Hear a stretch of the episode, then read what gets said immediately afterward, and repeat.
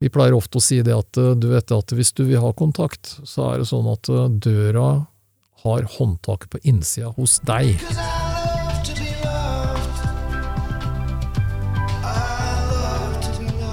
Denne mannskraften skal ikke stappes under teppet fordi den er så farlig, men den skal kanaliseres Helt riktig. på riktige måter. Og, Ja. og da kan eh, masse deilig, brusende mannskraft brukes til å bygge samfunn og familier. Absolutt. Ja, vi kan komme inn på spor Sette prinsesser fri. Eh, Gutta har en tendens til å nedprioritere vennskap veldig eh, når de eh, får seg kjæreste, eh, og når de får seg familie og forpliktelser. Det tror jeg de skal være litt forsiktige med. Det blir for sårbart, hæ?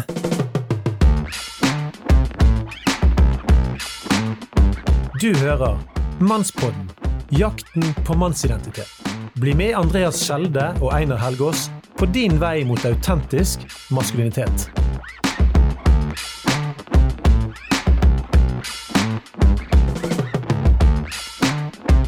Da er det kjekt å ønske velkommen til en ny episode i Mannspodden. Dette er faktisk episode nummer fire, der vi har Dag Furuholmen i studio nok en gang velkommen. Tusen takk nok en gang. Ja, og jeg synes det er utrolig gøy, kjempespennende å bli kjent med deg, og få del i din kunnskap, og ikke minst erfaring etter så mange år i eh, praksis med psykiatri, eh, og med samtaler med så mange menn, og mange kvinner. Og det gjør dette veldig, veldig spennende. Jeg håper folk synes dette er skikkelig relevant. Eh, Denne podcasten er altså et samarbeid med omgud.nett, og vi svinger oss i gang nå med noen temaer, men først. Vi har fått inn en lang melding fra en kvinne på 30 år fra Oslo. Eh, Denne kvinnen er fortsatt singel, men har en god del datingerfaring. Eh, Og hun tenkte eh, sammen med sine venninner som ivrige lyttere på Mannspodden at hun ville sende noen tips til unge menn. Nå skal jeg prøve å huske tre av de. Eh, Og det noe hun sier, og dette her sier jeg òg fordi at vi har jo et sånt datingmaraton med hele fem episoder i Mannspodden, og derfor er dette relevant. Nemlig unge menn. Ja, kanskje alle menn som driver med dating. Du må aldri vente lenger enn to uker før du tar kontakt igjen. Da vil disse kvinnene føle at dette holder på å tørke helt ut. I løpet av daten så bør du ta på henne. Om det er på armen eller eh, på skulderen eller et eller annet. Du må vise at du ikke er redd, at du, at du har noe å komme med på dette. Det vil være en sånn fin, eh, en fin, eh, fin gest. Og i tillegg, noe som kanskje kan være vanskelig hvis man som man er litt usikker, fortell at hun er vakker. Eh, Det vil være aldeles nydelig. Det koster sannsynligvis litt, men her kan du få fisk på kroken, hvis du er litt på. Ja, hva, var dette her greie tips, synes du, eller hva, hva, hva, hva tenker du, Dag? Ja, jeg eh, Sånn som jeg vokste opp, så er jo dette veldig greie tips. Ja, ok. I våre metoo-tider så er det om å ta på armen, eh, det er for noen meget drøyt. Så man må kanskje liksom vite litt hvem eh, Hvis man eh, dater en eh, innrøkt feminist, så bør man kanskje være forsiktig med det siste. Ok, så du bør sjekke litt de tingene først? Jeg tror det. Ok. Men jeg syns det siste tipset ditt var veldig godt, altså det der med å våge. Altså det der med å trene på Vi snakka litt om det forrige gang, ikke Ja. det der med å tåle en avvisning. Ja. Jeg har lyst til å fortelle en litt morsom historie på det, fordi eh, jeg hadde en eh, kollega, en kollega som eh, En engelskmann. Han var vel 1,60 toppen. Eh, Gikk rundt i dress og moonboots og, og så ganske snål ut. Okay. Og så, det var den gangen jeg jobba på Veksthuset, så, så vi hadde en pause, og så gikk jeg opp og skulle ta lunsj på, på sykehuset, og han hilste på den ene dama etter den andre, og jeg tenkte så Til slutt så sa jøssen hans Stuart, kjenner du alle disse damene? Ja, sa han. Ja, ja, hvordan da, liksom? Nei, han hadde enten hatt med på kino, tatt et glass vin, eh, drukket en kaffe, eh, truffet dem i kantina og skravla med dem, eller et eller annet. Ok. Jeg var helt imponert, ikke sant. Og sånn, jeg, jeg bruker eh, prosentregelen, sånn. Prosentregelen, hva i all verden er det for Nå noe? blir jeg rimelig spent her. Jo, så sa han det at eh, Jo, hvis du ber ut ti damer, så er det minst fire som sier ja. Ja. It makes sense, gjør det ikke det? Jo, jo.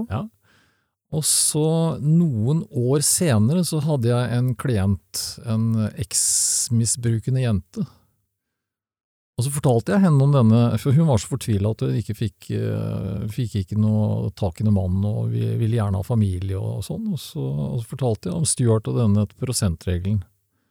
Og hun dundra i gang. Okay. Hun var sånn skikkelig sånn på.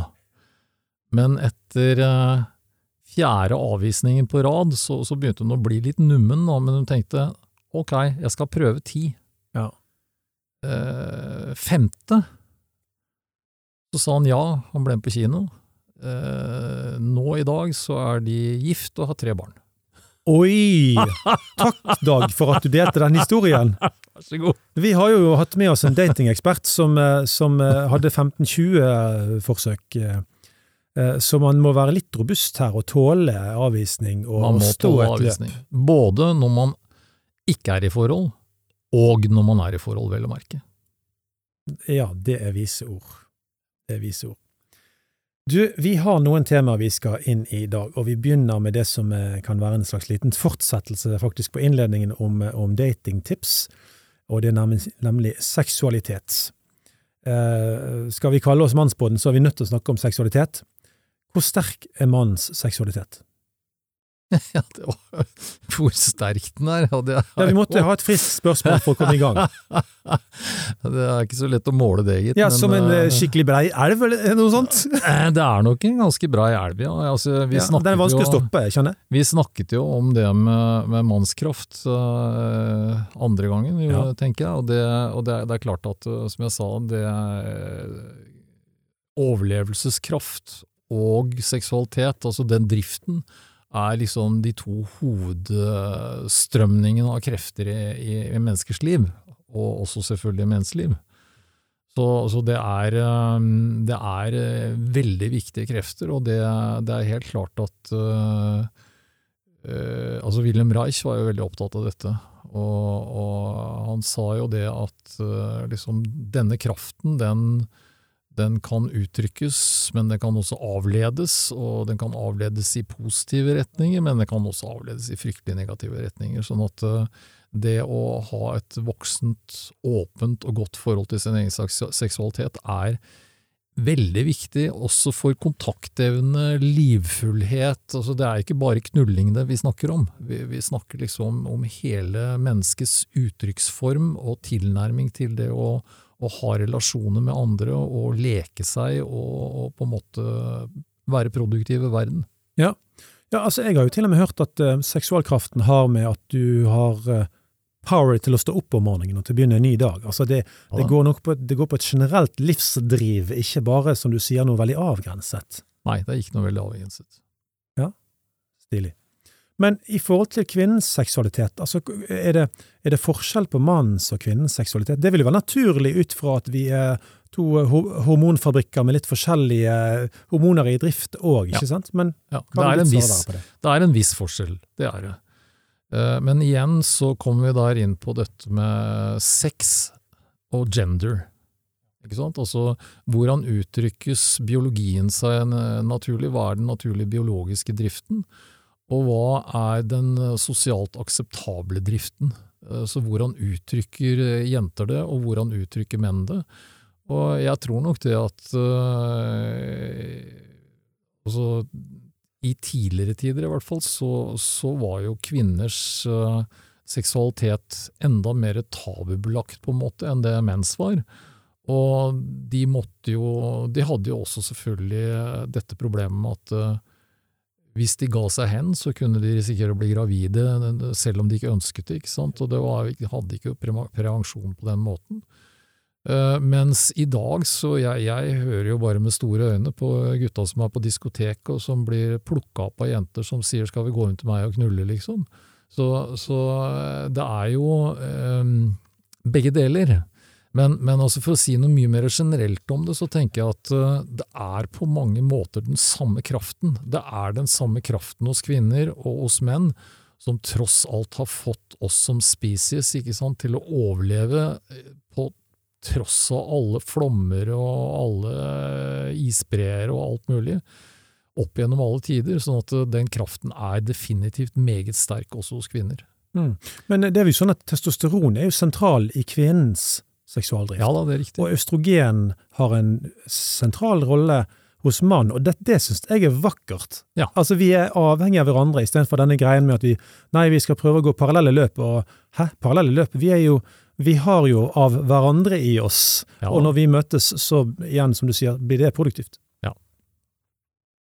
Nei, så det, liksom det der å, å fremstille, fremstille mannen som uh, tiggeren som skal ha noe, og henne som eh, den eh, som ofrer milde gaver, det er helt bløtt, altså. Kvinner er kåte, og menn er kåte, og begge vil ha eh, liksom oppfylt sitt eget sexdrive. Men dessverre så er det jo både menn og kvinner som har på en måte mista taket i den delen av sin egen livfullhet, og det er synd. Ja, Absolutt. Jeg har lyst til å lese et eh, sitat fra boken igjen. I puberteten, når gutters testosteronnivå økes til 20 ganger, det man finner hos en niåring, påvirkes visse deler av hjernen til rask utvikling. Hjernens sexsøkingssentre i hypotalamus vokser seg dobbelt så store som hos kvinner, så sex på hjernen er mer enn en metafor. Mm.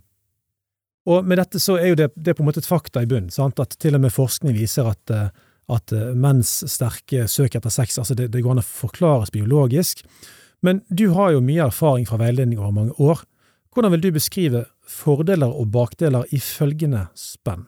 Uforpliktende sex med mange, og trofast mot én kvinne livet ut.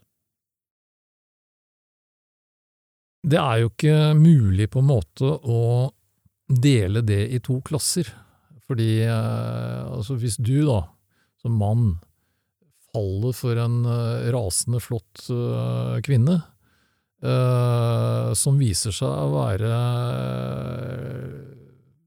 en narsissistisk, grusom bitch, for eksempel, så vil jeg absolutt unne deg å kunne gå ut av det forholdet og, og finne deg en vennlig, sjenerøs, interessant og ålreit dame. Så, så dette er helt opp til Og det er jo, det er jo dessverre sånn at uh, når vi er unge, så klarer vi ikke å skille helt det der der. Jeg husker min eldste sønn kom hjem fra Han har vært i Barcelona da, og truffet den, eh, denne fantastiske dama, ikke sant, som eh, hun var argentinsk, og, og eh, Det hørtes litt sånn sprakende ut. hun var så smellvakker at eh, altså, alle kompisene rundt omkring, de, de holdt på, de, øya holdt på å dette ut av hodet på dem, og, og når hun liksom eh, stilte i, i bikini, så hadde hun en sånn slange tatovert som gikk oppover ryggen, ikke sant, og, og altså, gutta var helt bortreist. Men som han sa, altså, det var ikke mulig å være sammen med henne, fordi hun, hun øh, lagde så mye intriger og så mye sjalusi og så mye altså, faenskap, rett og slett, hele tiden, at det, han, måtte, han ble helt gæren av det, så han måtte bare kutte det helt ut.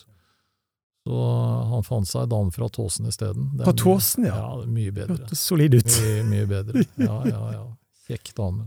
Men et, et siste spørsmål på dette. Jeg har til og med lest meg til at eh, en, en, en som mener at så fort en mann og en kvinne er i samme rom, så finnes det en seksuell spenning der.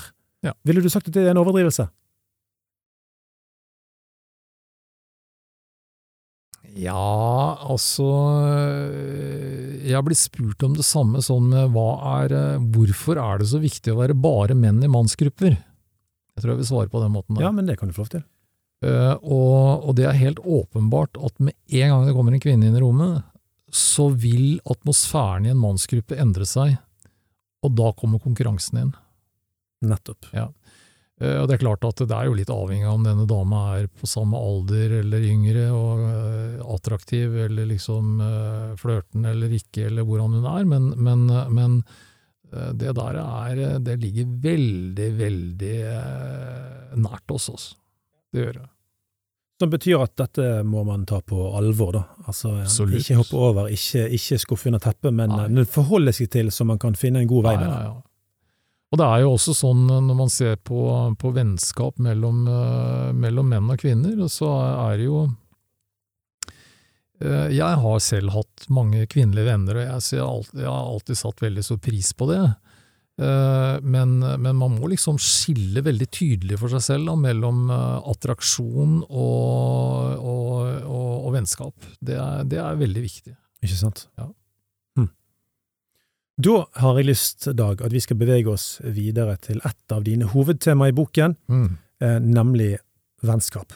Ja. Og da har jeg først lyst til å, å, å, nevne en undersøkelse fra et vestlig land, der det kom frem at kvinner hadde tre ganger bedre egenskaper på å knytte de nære vennskapene. Altså, det gikk nok på at de hadde flere nære venner når de telte disse opp og krysset av i, i skjema, Okay. mens mennene hadde flere bekjentskaper, disse som man sier hello, hello til og, og snakker om litt sånn overfladiske ting.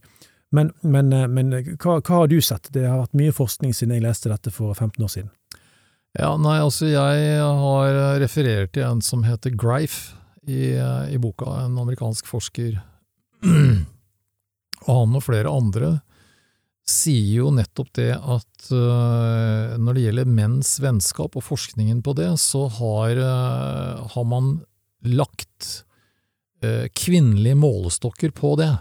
Nei, den er interessant. Ja, og det er en helt fullstendig feil måte å måle menns vennskap på. ja. Må du på kafé, for eksempel?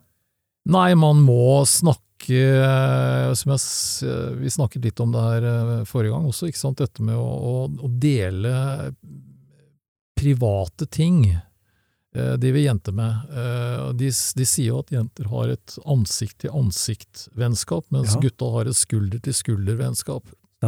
Gutta er mer opptatt av å gjøre ting sammen og, og ha en aktivitet og finne noe som de syns er gøy sammen, mens kvinner er mye mer opptatt av å dele synspunkter og hemmeligheter med hverandre, og, og, og på en måte skape en slags øh, fellesskap gjennom det.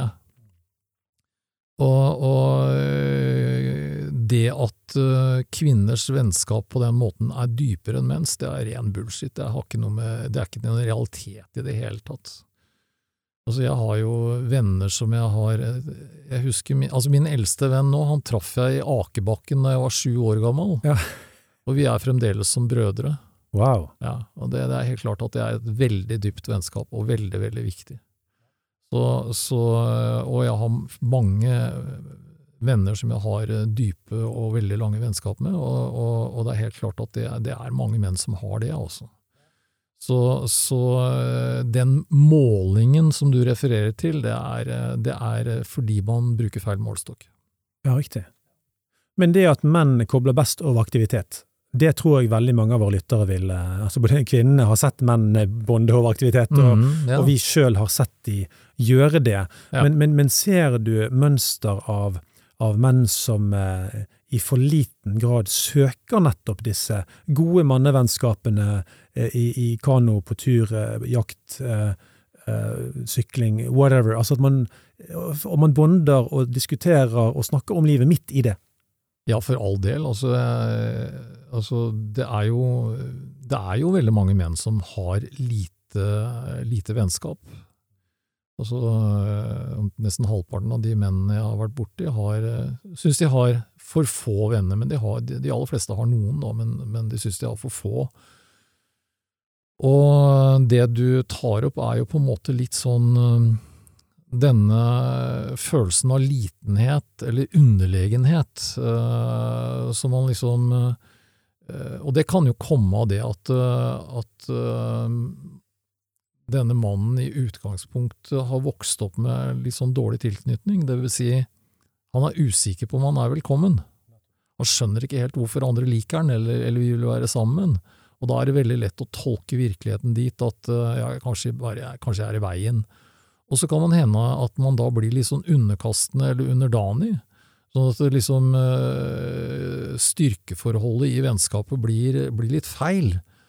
At liksom det er den andre kompisen da som, som øh, tar alle initiativene og bestemmer alt og dominerer og, og sånn, og så lar man seg dominere over og blir en slags øh, assistent og beundrer. Ja. Og det er jo trist. Ja. Ja. Men, men det er jo én side av saken. Men så har du de som, sannsynligvis da er passive eller ikke går inn i vennskap for å Mhm. etablere de Mm. en gang, fordi de er kanskje redd for å da komme inn i en- denne konkurransen som menn ofte er i, Ja. og blir, blir taperen. Eh, Og, og dermed så, så altså fordi man har ikke det vi snakket om i forrige episode, har ikke kanskje integrert svakhet og styrke på en trygg måte, Mm. og da vil du kanskje være redd for å gå inn i de relasjonene. Ja. Altså, det er veldig ofte sånn at de er redd for å ikke være interessante nok. Eh, De føler seg ikke populære nok. De er ikke mann nok. Eh, De har ikke noe å tilby. Eh, Det er liksom enklere, greiere og, og, og, og, lettere å trekke seg tilbake og, sulle litt rundt med frimerkene sine, liksom. Eh, og dette er jo på en måte Altså skal dra det litt langt, så kan du si at eh, isolasjon og tilbaketrekning har jo også en tendens til å skape depresjoner. Så det er jo også en litt sånn depressiv livsholdning, ikke sant. Og, og depressive eh, har jo også den veldig ofte den tanken at jeg er i veien.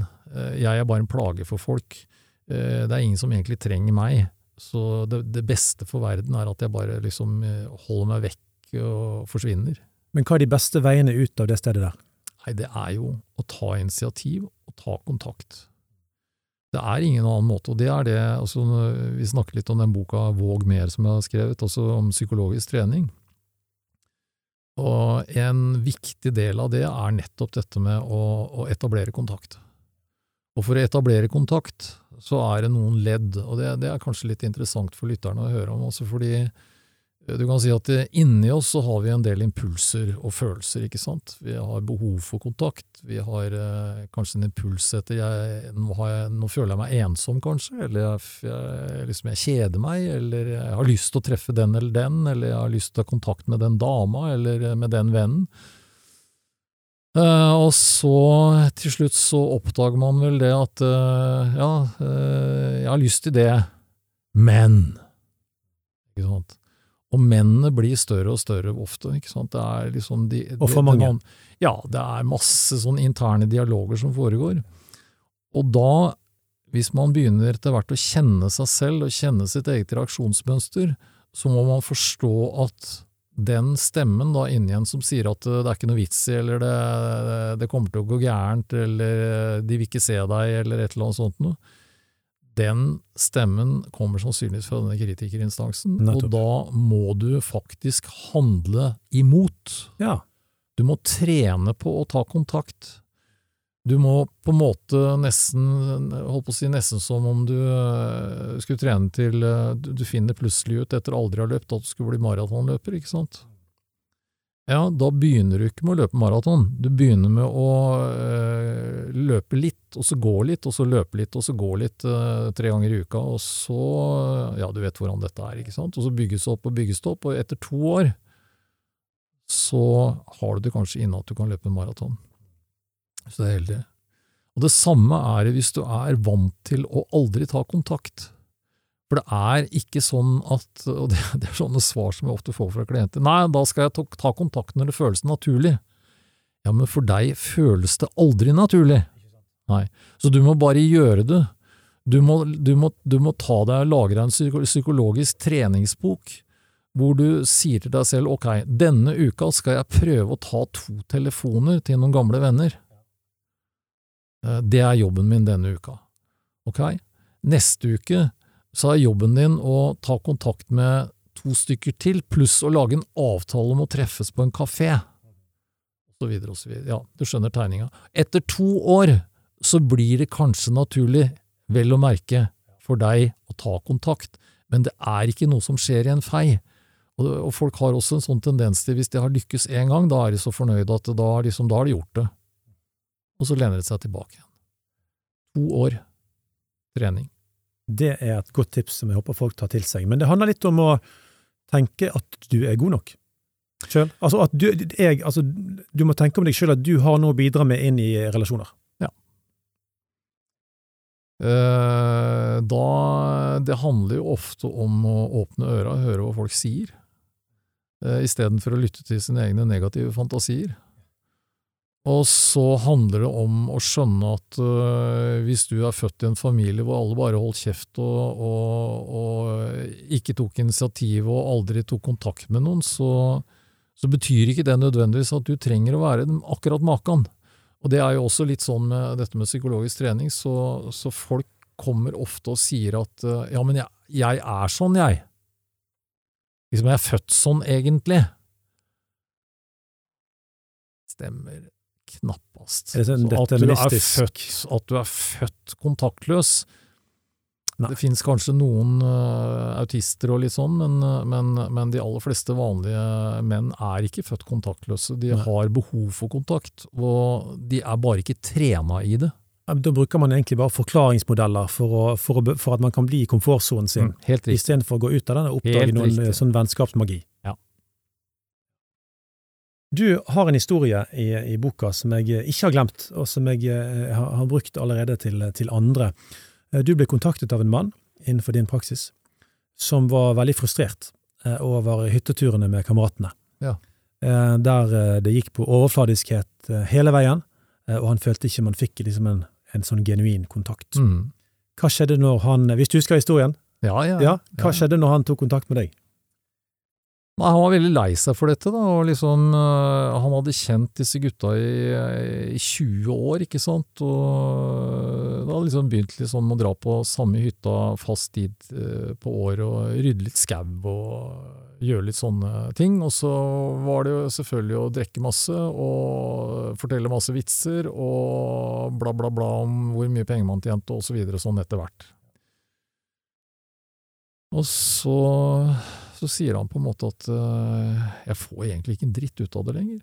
Det er øh, det, det, jeg, jeg, jeg, det er nesten som å komme i en sånn der museumsforestilling som de har spilt samme teatret nå i de siste ti åra, i hvert fall. Eh, så han vurderte å, å, å kutte ut alle sammen.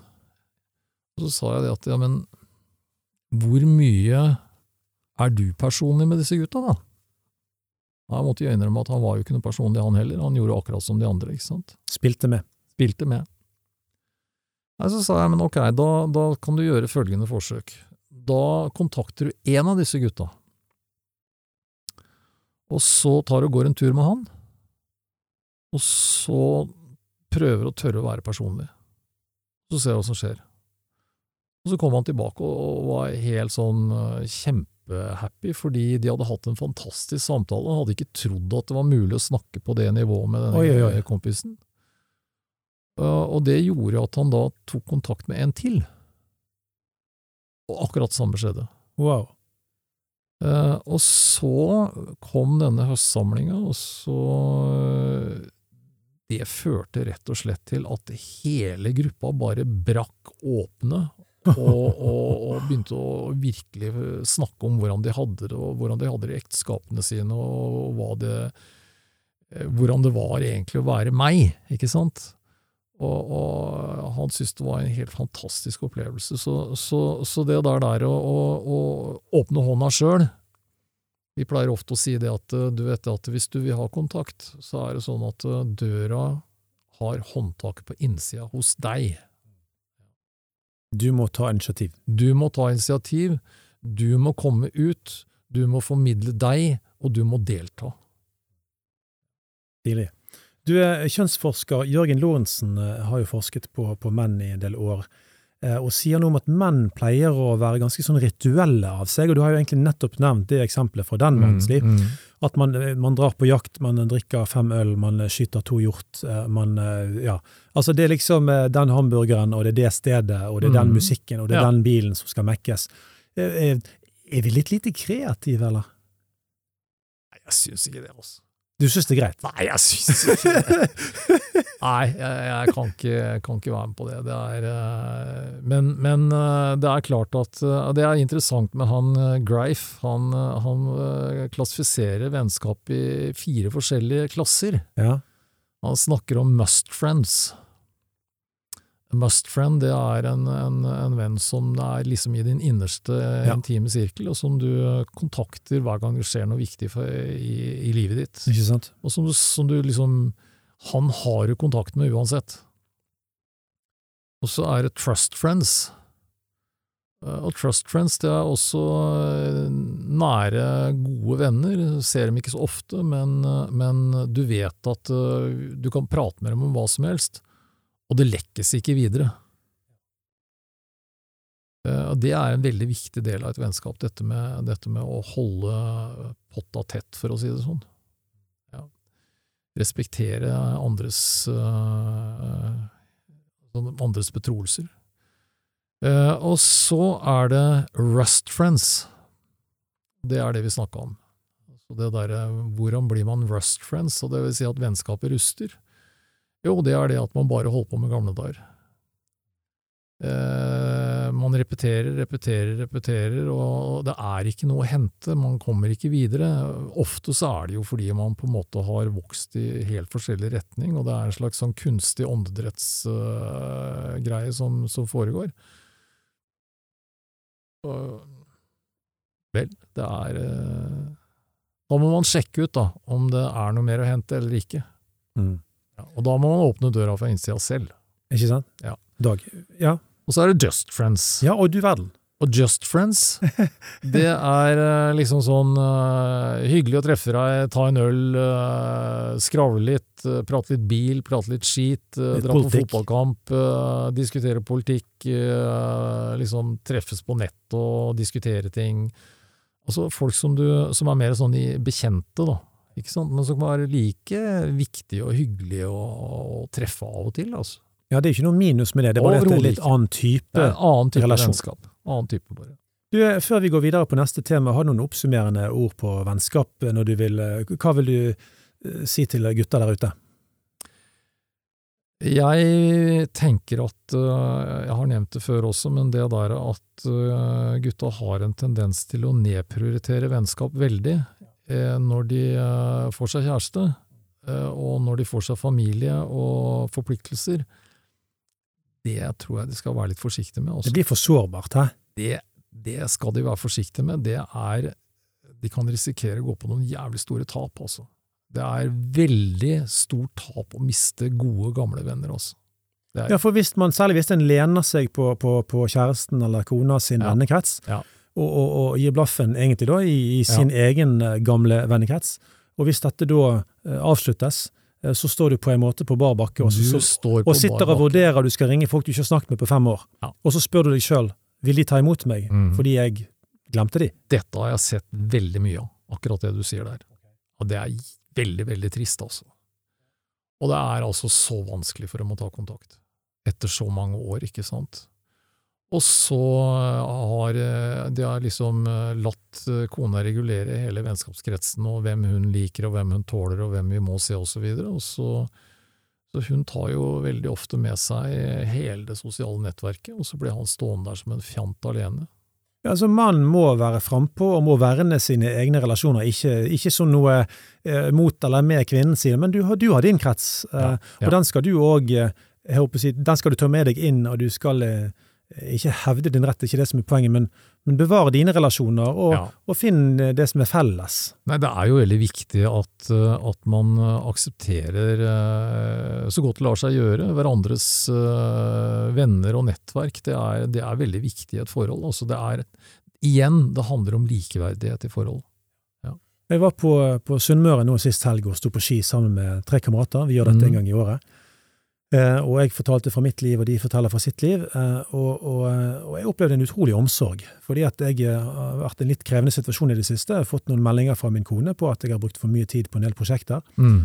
og, og der begynte de bare å En hel time omtrent, så begynte de De bare jobba med meg. De bare speilte meg. De kom med innspill. Ja. Og I ren sånn maskulin omsorg, da Kult, og pak veldig bra. pakka meg skikkelig inn. Og jeg satt, Ja. jeg satt der og var egentlig litt sånn Dette var nådetid, altså. Og det var noen gode kompiser som, Mm. eh, som, som ikke bare lette etter, eh, etter neste unnskyldning for å snakke om noe mer overfladisk. De bare, de bare ble igjennom da, inn, inn og ga meg tips. Og, så det, det, det, det tenker jeg eh, jeg unner alle å oppleve. da. Absolutt. Veldig fint å høre. Ja. Mm.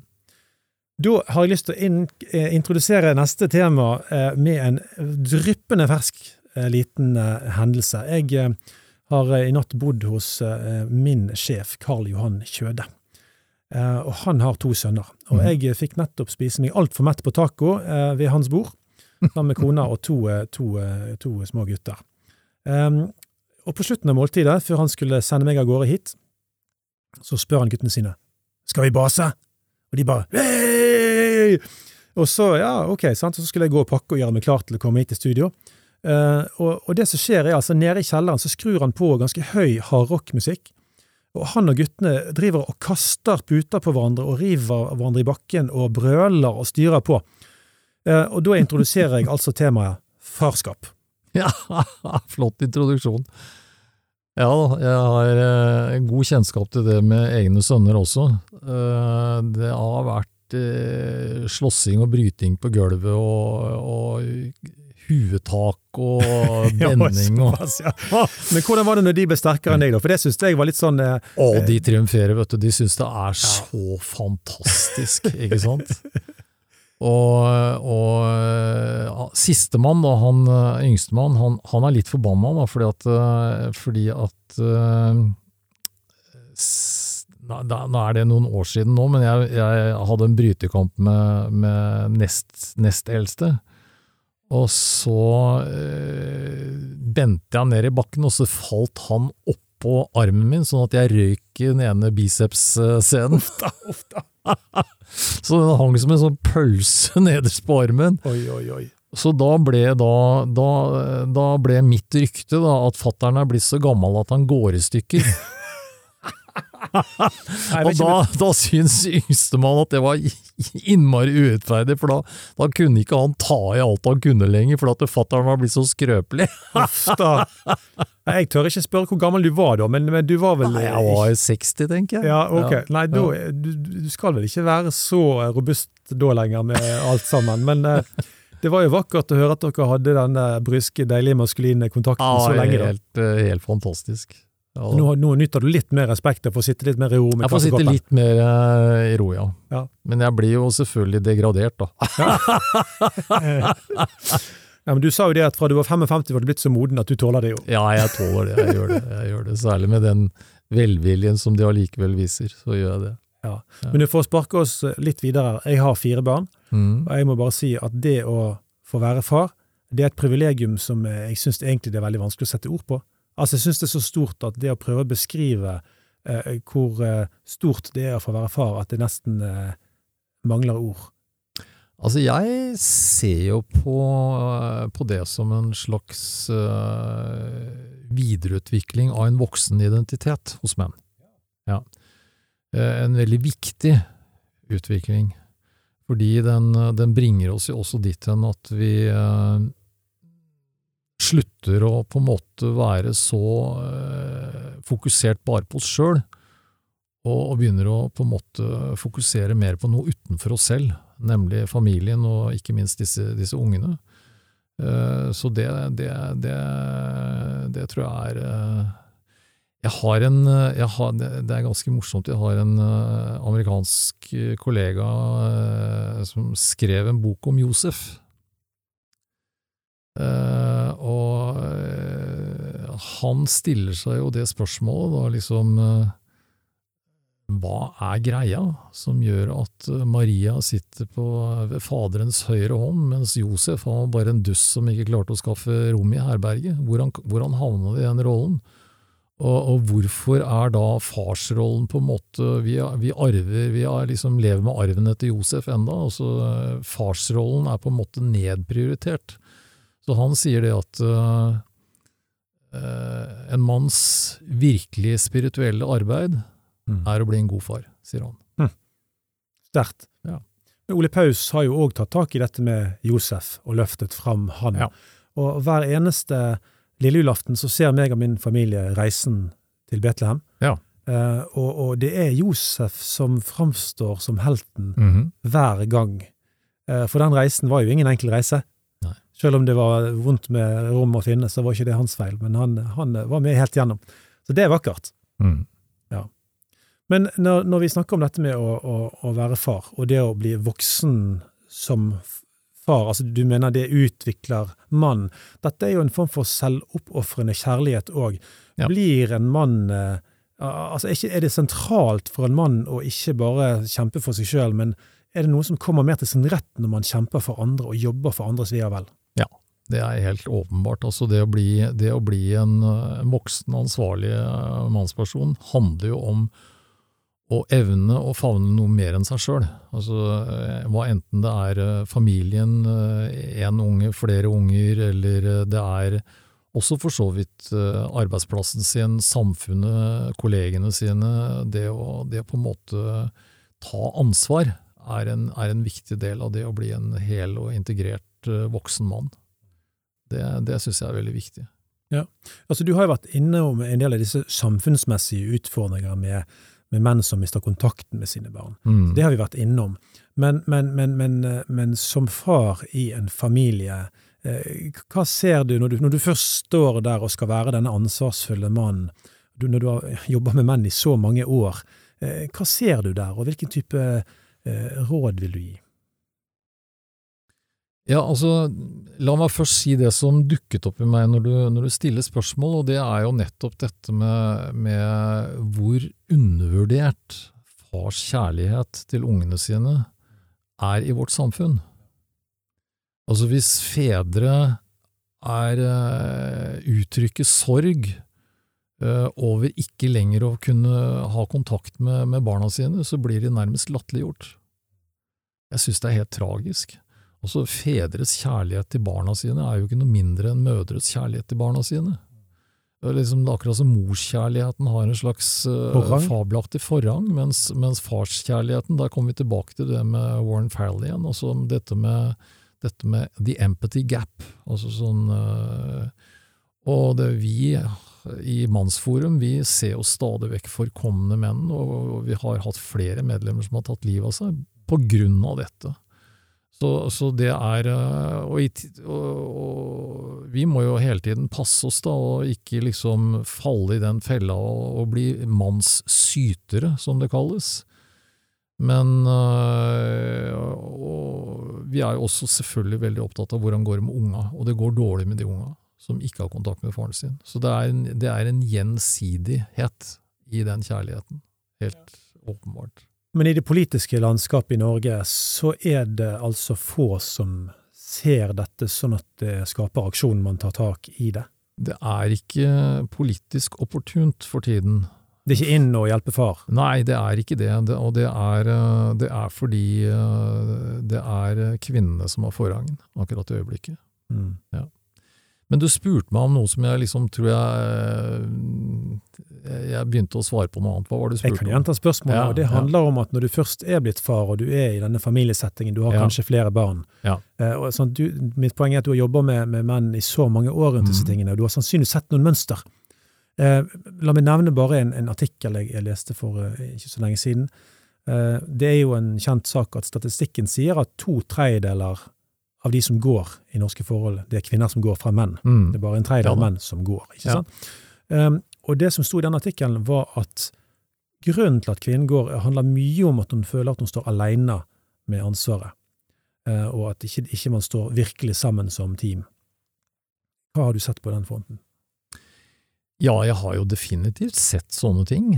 At kvinner blir stående aleine, og, og, at menn bare er opptatt av karrieren sin og, og sånn. Og, og, det er jo en av grunnene til at jeg tenker at uh, denne uh, farspermisjonen er så utrolig viktig politisk grep. Uh, og la meg si det sånn at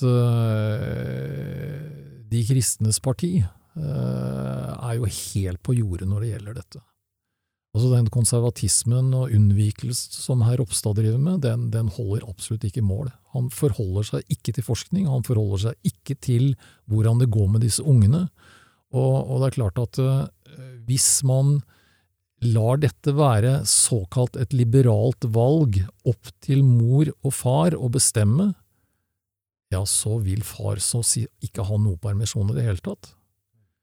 Han vil igjen gå i retning av det der å ikke oppnå den samme intimiteten og kontakten med unga sine.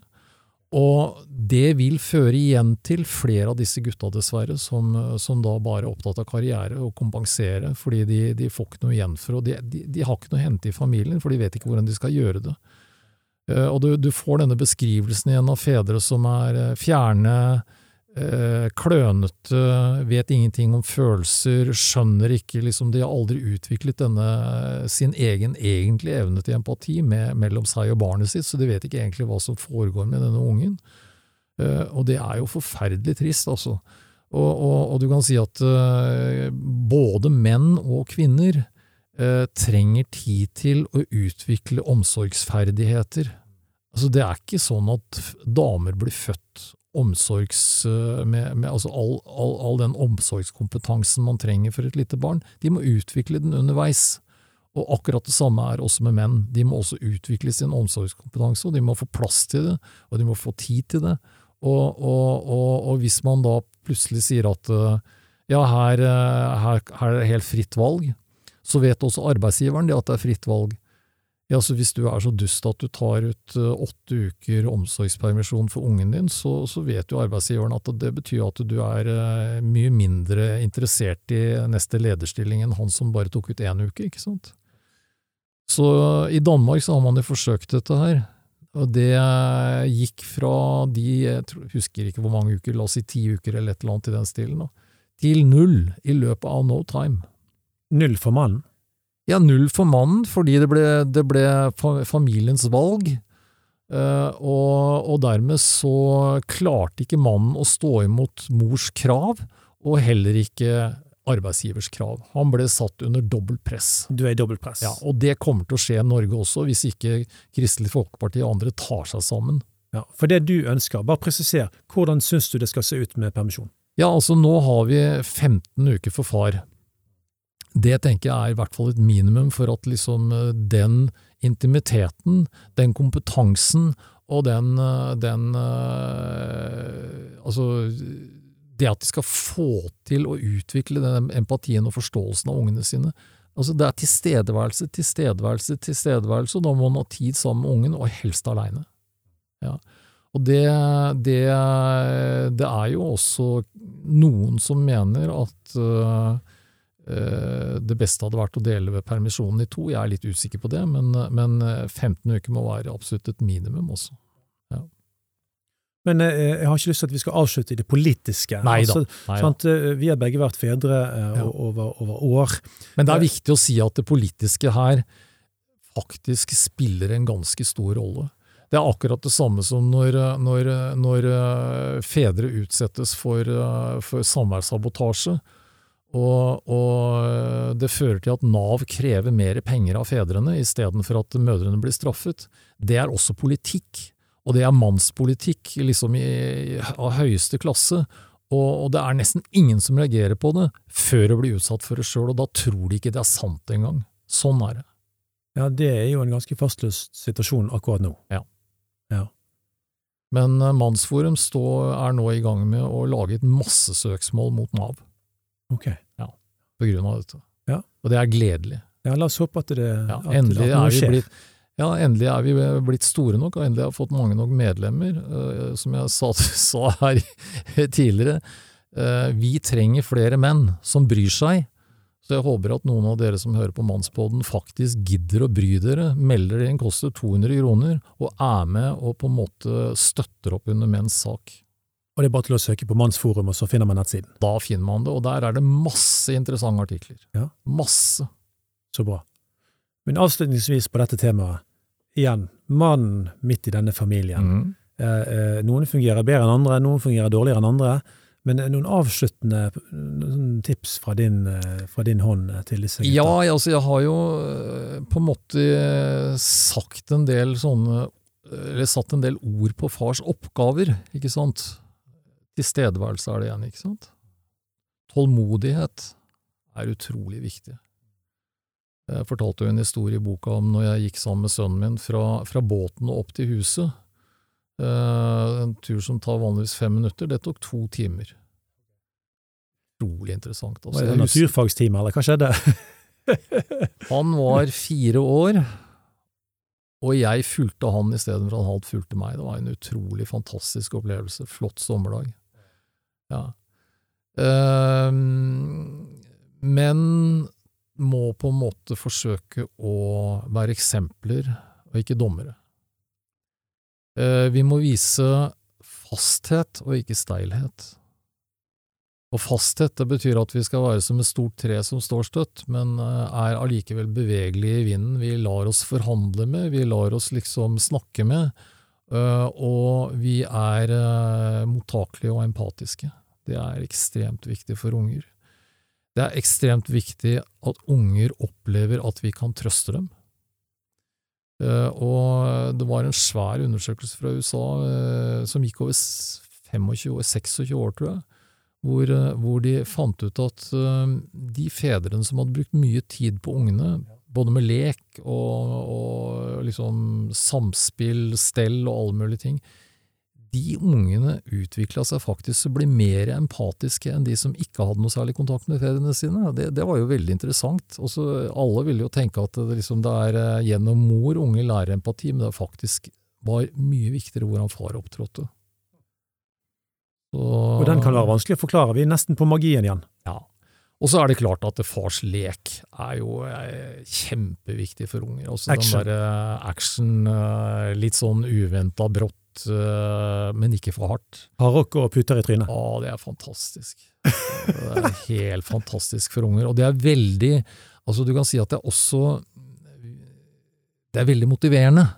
Og det er noe som unge virkelig trenger i dag, særlig gutter, fordi veldig mange gutter blir beskrevet som, som flate, motivasjonsløse og tilbaketrukne.